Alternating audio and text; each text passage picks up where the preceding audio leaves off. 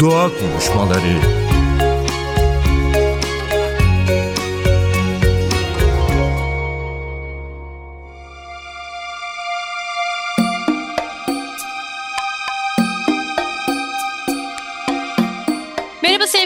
Radyo dinleyicileri ben Nacide Berber. Doğa Konuşmaları programına hoş geldiniz. Bu haftada doğanın gündemini takip etmeye devam ediyoruz. Etraflıca aslında doğa neye dokunuyorsa hayatımızda o konuları e, gündeme taşımaya çalışıyoruz. Aslında Türkiye'nin sıcak gündemlerinden biri biliyoruz ki afet ve doğal afetler nedeniyle çok da konuşuyoruz bunu. Hem doğa insan ilişkisine de bizi tekrar düşündürten bir durum hem de yapılacaklar açısından açıkçası. O yüzden bugünkü konuğumuz İstanbul Teknik Üniversitesi Afet Yönetimi Enstitü Müdürü Profesör Doktor Miktat Kadıoğlu. Hoş geldiniz hocam. Hoş bulduk Nacide Hanım afet tanımını siz nasıl tanımlıyorsunuz? Hani biz sıradan vatandaşların bir şeyi var aklında ama ilk olarak belki bununla başlamak doğru olur. Yani çünkü hem doğal afet var, doğal olmayan afetler var. Hangi olayları siz afet olarak tanımlıyorsunuz ve afet türleri nelerdir aslında? Yani hangi durumlarda insanlar alarma geçmeli bu açıdan? Nacide Hanım hem de baştan söyleyeyim son söyleyeceğimi doğal afet demiyoruz biz. Doğal afet diye bir şey yok. Doğa kaynaklı var, insan kaynaklı, teknoloji.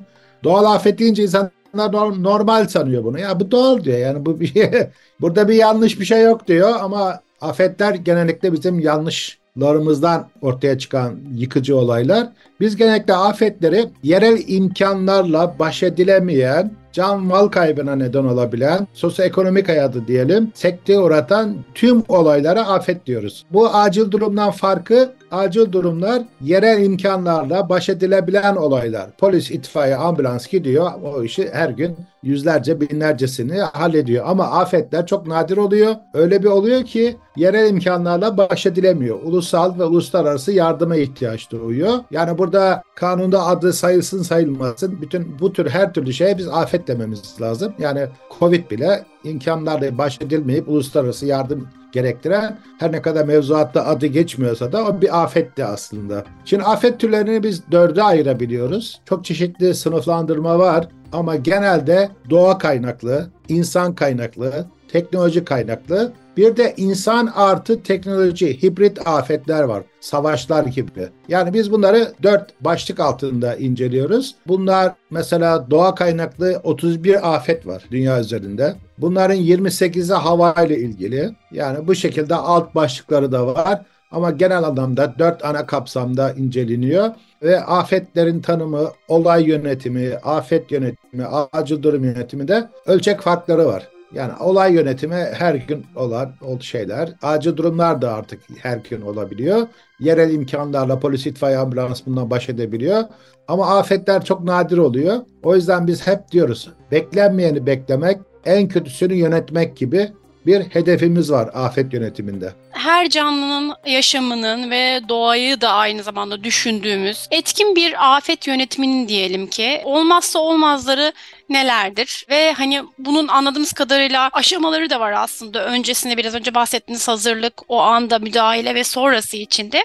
Birazcık bunlardan da bahsederek anlatabilirseniz çok mutlu olurum. Burada afet yönetiminin olmazsa olmaları bir, tüm tehlikeleri dikkate almak. Hani biz bazen seçmece yapıyoruz. Deprem diyoruz, başka afet tanımıyoruz. O büyük bir yanlış olabiliyor. Ya da diyoruz ki bu bölgede deprem olmaz. Depremle ilgili bilgilenmiyoruz ama gidiyoruz İstanbul'a bir işimiz oluyor. Orada depreme yakalanıyoruz. O yüzden burada tekil yaklaşımlar doğru değil tüm tehlikeler. Yani afet yönetiminde en önemli tehlikelerden bir tanesi tüm tehlikeleri dikkat almama tehlikesidir. Ondan sonra afet yönetiminin tüm evreleri sadece müdahale, iyileştirme değil tüm evrelerini dikkat almak gerekiyor. Ondan sonra afet yönetiminde tüm kaynaklarımızı kullanmamız lazım. Bu büyük bir kalkınma problemi, insanlık problemi yani büyük bir problem bu. Bir de afet yönetiminde tüm bireylerin görevli ve sorumlu olduğunu düşünmemiz, kabul etmemiz lazım. Yani bu bir kurumdaki sivil savunma amiri memuru ya da AFAD ya da işte Kızılay'ın görevi değil bu afet yönetimi. Herkes kendi güvenliğinden sorumlu.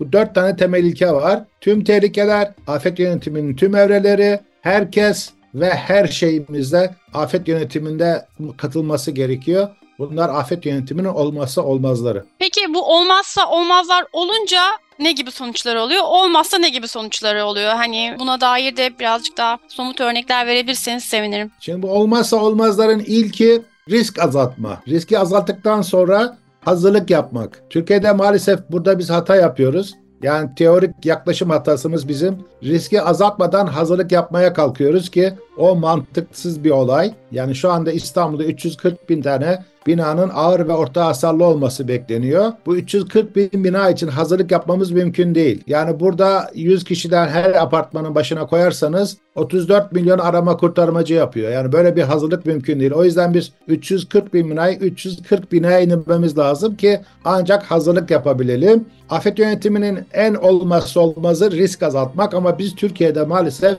hep olsun hele olsun hallederiz abi mantığıyla arama kurtarmaya böyle yönelmişiz arama kurtarmayla bu işin altından kalkacağımızı düşünüyoruz. Çok büyük bir yanlışımız bu. Sonra afet olduğu zaman etki ve ihtiyaç analizi çok önemli bir konu. Nereye nasıl müdahale edeceğimizi bilmemiz lazım. Sonra müdahale, iyileştirme, yeniden yapılanma diye gidiyor. Bunlar afet yönetiminin olmazsa olmaz safhaları. Risk ve zarar azaltma da tabii bu işin kalbi. Yani 100 lira varsa bütçeniz afet yönetimi için size verilen 70 lirayı bu risk azaltmaya harcamanız lazım.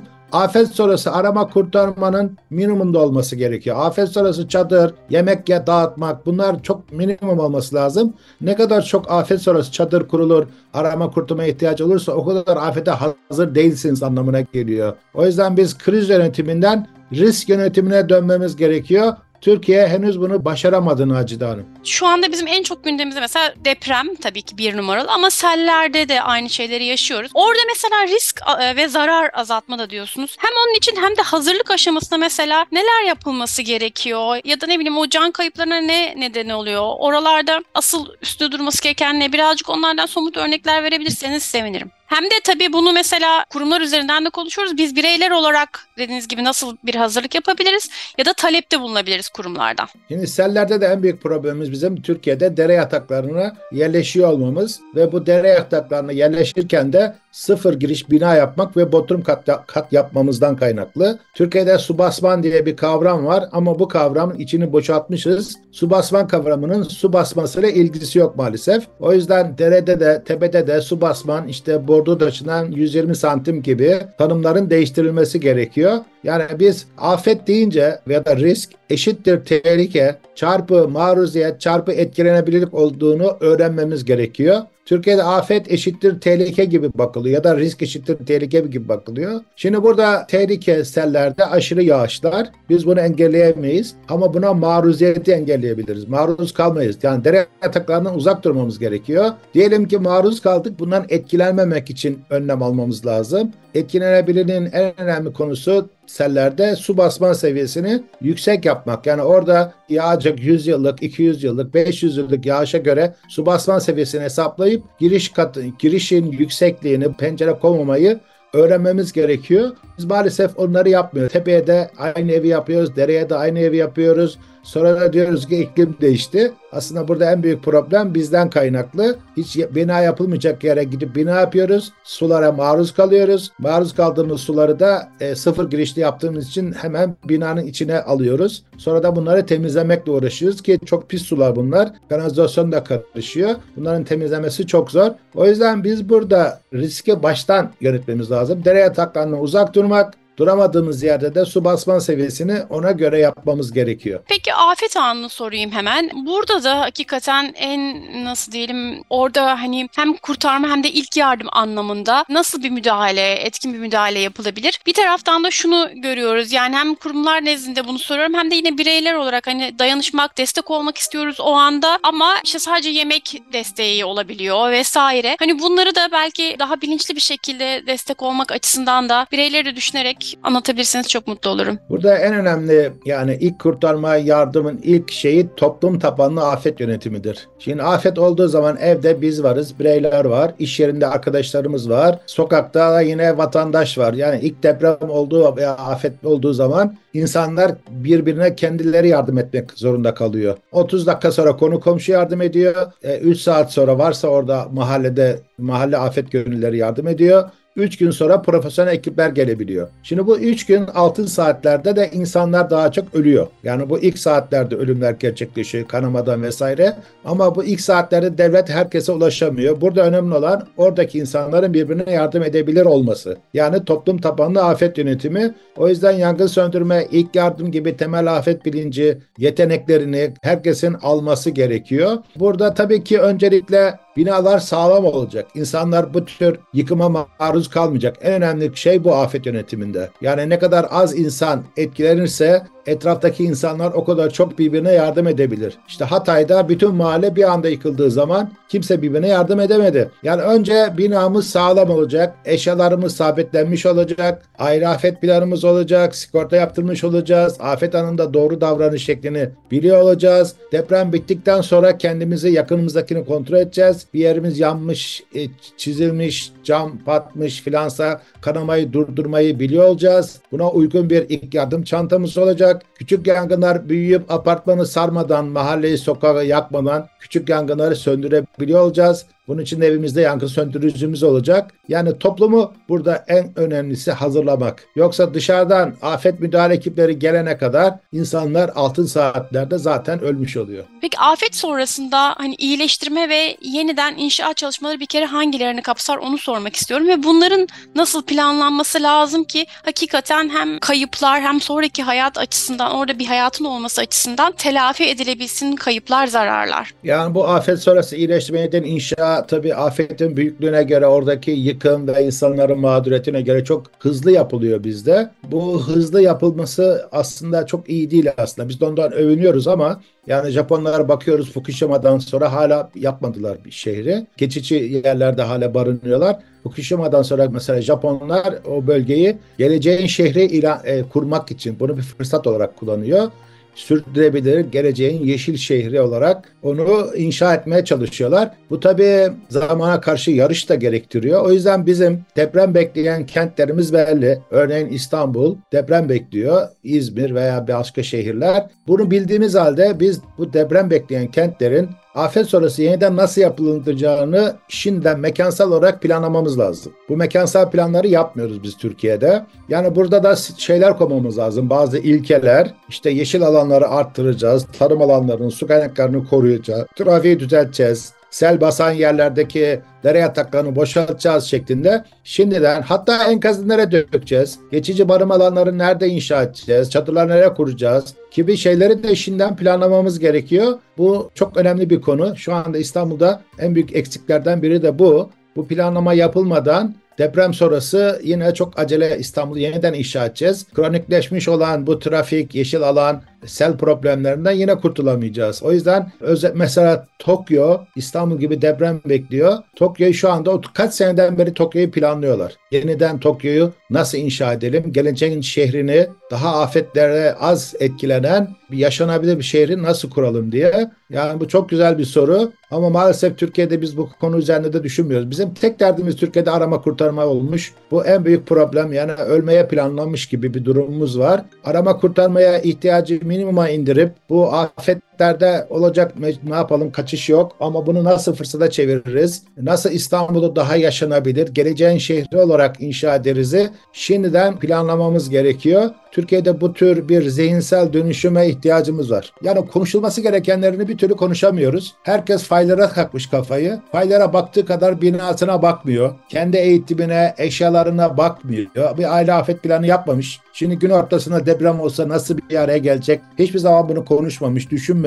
Binasıyla ilgili bir aksiyon almıyor. Dedikodularla hareket ediyor. İşte bu bina sağlamdı, işte kaya çıkmıştı da şöyleydi de böyleydi. Bu birazcık onların ne bileyim daha çok işine de geliyor. Kendimizi kandırıyoruz biraz. Yani afet yönetimi dünyada kanla yazılmış, acılarla dolu bir bilim dalı ders almamız, okumamız, ders almamız gerekiyor. Her şeyi bilmek zorunda değiliz. Bilmediğimiz şeylerde bilmiyorum demek ayıp değildir. Bunu öğrenmemiz gerekiyor. Herkes kendi uzmanlığı, kendi konusunda kalırsa Türkiye'de bilgi kirliliğinin önüne de geçebiliriz. Yani bu afetlerde korumada da var. Yani kimine bakıyorsun çök kapan, yat uzan, karaciğerin yukarıda olacak, üçgenler, beşgenler uçuşuyor bu bilgiler. Ya bina sağlam olacak. Çürük binadan üçgen yapsan beşgen yapsan hiçbir faydası yok. İnsanları böyle kandırmak, umut vermek de doğru değil. Bina 2.80 uzanıyor, yerle bir oluyor. Yatıyor, yan yatıyor, öteki taraftan çıkıyor herkes. Öyle üçgen beşgenle oralardan kurduğunuz üçgenin hayatta kalması, durması mümkün değil yani. Durduğunuz döşeme uçuyor, komşudan çıkıyorsunuz yani. Deprem sizi savurursa bir yere, üçgene, beşgene öyle boşluğa hayatta kalıyorsunuz. Biz hayatta kalanlara bakıyoruz ama ölenlere bakmıyoruz. Bu İkinci Dünya Savaşı'nda da böyleydi. İkinci Dünya Savaşı'nda yara alıp gelen uçaklarda nereler çok yaralanmış uçakta oraya bakıp oraları yamalamaya çalışıyorlardı. Sonra bilim insanları buna karşı çıktılar. Gelmeyen uçaklara bakın dediler. Ölenlere, gidenlere. Biz de Türkiye'de maalesef nerede birkaç kişi bulduysak o onu yüceltiyoruz ama ölenlere baktığımız yok. Yani koltukların yanında ölenler de bir sürü var ama oraya bakmıyoruz. Böyle bilim dışı, literatür dışı, e, hayali, umut veren şeylere çok e, önem veriyoruz. Böyle peşinden koşuyoruz. Yıkılacak bina için güvenlik kuralı yoktur. Bina yıkılmayacak. Çök, kapan, tutun bir masa sıra altında. Bunun içinde amacı dökülecek sıvalar, dökülecek avizeler, lambalar, devrilecek eşyalardan korumaktır. Diğerleri hikayedir, boştur. Birinci görevimiz binayı sağlam yapmak, eşyalarımızı sabitlemek, bir aile afet planı yapmak, yapmak, ilk yardım ve yangın çantası bulundurmak. Bak deprem çantası demiyorum. Öyle bir şey yok. Her afet için çanta yapacağımız halimiz yok. Japonlarda çanta filan da yok. Adam evi sağlam, evinin bir köşesinde temel ihtiyaç malzemelerini tepalıyor. İlla bunu bavula koyup sırtlayıp kaçmak gibi depremde bir saçmalık yok. Yani bizde bunlar da maalesef bir kere yanlış öğretildi. Daha düzeltemiyoruz. Depremden sonra deprem anında B dalgasını hissettiğiniz zaman alttan deprem küt diye vurduğu an Allah deprem olur der demez güvenli bir yerde çök, kapan, tutun yapmanız lazım. Varsa pencere sırtınızı pencereye dönüp varsa sıra masa altına girip yüzünüzü gözün e, kolunuzun üzerine kapatarak depremin bitmesini de bekleyebilmek lazım. Bunu yapabilmek için de tatbikat gerekiyor. İnsanlar afetlerde ikiye ayrılıyor. Kimisi donup kalıyor, kimisi şuursuzca kaçıyor. Panik yapmayın demekle insanlar panik yapmamazlık yapmıyor. Ama bak bakıyorsunuz herkes eğitimci olmuş. Broşürler yazıyorlar. İlk kelime panik yapmayın. Yani panik yapmayın demek de bu iş olmuyor. Adam niye panik yapıyor? Ne yapacağını bilmediği için. Ona bizim ne yapması gerektiğini söylememiz lazım. Doğru davranış şekli. Bu da çök kapan tutun. Ama insanlar afet travma anında daha önce tatbikat yapmamışsa bunu hatırlamıyor. O yüzden tatbikat, tatbikat, tatbikat. Her tatbikat afetteki paniği %50 azaltır. Evde tatbikat, iş yerinde, yolda, sokakta ama maalesef iş yerlerinde tatbikatlar genelde doğru yapılmıyor. Bu bir tatbikattır diyorlar işinize bakın filan. Veya böyle prosedür icabı bir tatbikat yapılıyor. Çök kapan tutundan sonra insanlar birbirini kontrol edip varsa yaralı, yangın bunlara kendileri müdahale edecek. Devlet o anda olmayacaktır. Mümkün değil. Zaten bize yardım edecek olan arama kurtarma, polis, itfaiye, ambulans, doktorlar da afizede olacak. Onların yakınlarda afizede olacak. İlk anda biz ancak kendi kendimize yardım edebileceğiz. Bunun için eğitim şart. Bunun için yangın söndürücü arabada değil evde olması şart. İlk yardım çantamız ama doğru bir ilk yardım çantası ve bunları kullanmak bilmemiz gerekiyor. Her şeyin kursunu eğitimini alıyoruz. Bir ilk yardım yangın söndürmenin eğitimini almakta bir türlü vakit bulamıyoruz. Sonra birbirimize yardım etmek konu komşu. İlk anda 30 dakika sonra insanlar sokağa çıkıyor. Konu komşu birbirine yardım etmeye başlıyor. Burada da kendimize zarar vermemek, konu komşuya zarar vermemek için yine bir eğitimimiz olması lazım. Bu yüzden, bu yüzden AFAD'ın eğitimleri, başka kim eğitim veriyorsa ama doğru eğitimleri bulup eğitim almamız gerekiyor. Bu bir yaşamın, hayatın bir parçası. Bu afetleri göz ardı ederek, inkar ederek yani psikolojik savunmayla savuşturamayız. Yani bu maalesef bizim jenerasyon özellikle Marmara bölgesinde büyük bir deprem bekliyor. Bizden sonra bu depremi yaşadıktan sonra 250 yıl belki bir daha deprem olmayacak. Ama biz buna rast geldik. Biz buna hazırlıklı olmamız gerekiyor. Evde, iş yerinde, sokakta hazırlıklı olmamız şart. Çok teşekkürler. Zor bir alanda kıymetli çalışmalar yürütüyorsunuz. Programımıza da konuk olduğunuz için çok teşekkür ederim tekrar. Rica ederim. Hoşçakalın. Hazırlıklı kalın. Sevgili NTV Radyo dinleyicileri bu hafta doğa konuşmalarında İstanbul Teknik Üniversitesi Afet Yönetimi Enstitü Müdürü Profesör Doktor Mithat Kadıoğlu bizimle birlikteydi. Kendisiyle afet yönetimi konuştuk. Haftaya yeni bir konu ve konukla tekrar karşınızda olacağız. Hoşçakalın.